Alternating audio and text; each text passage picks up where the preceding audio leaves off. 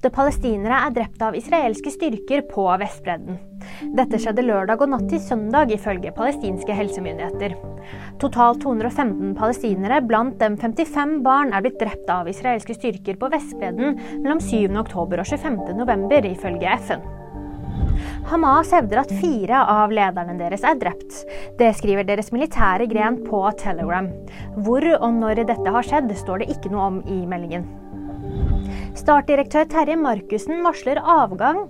Dette skjer etter lørdagens baneskandale, der undervarmen på Sør Arena ikke var slått på før Starts kvalikoppgjør til Eliteserien mot Bryne.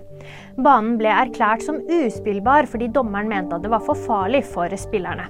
Dette kan ha spolert Starts opprykkshopp, som venter på avgjørelse fra Norges Fotballforbund. Vil du vite mer? Nyheter finner du alltid på VG.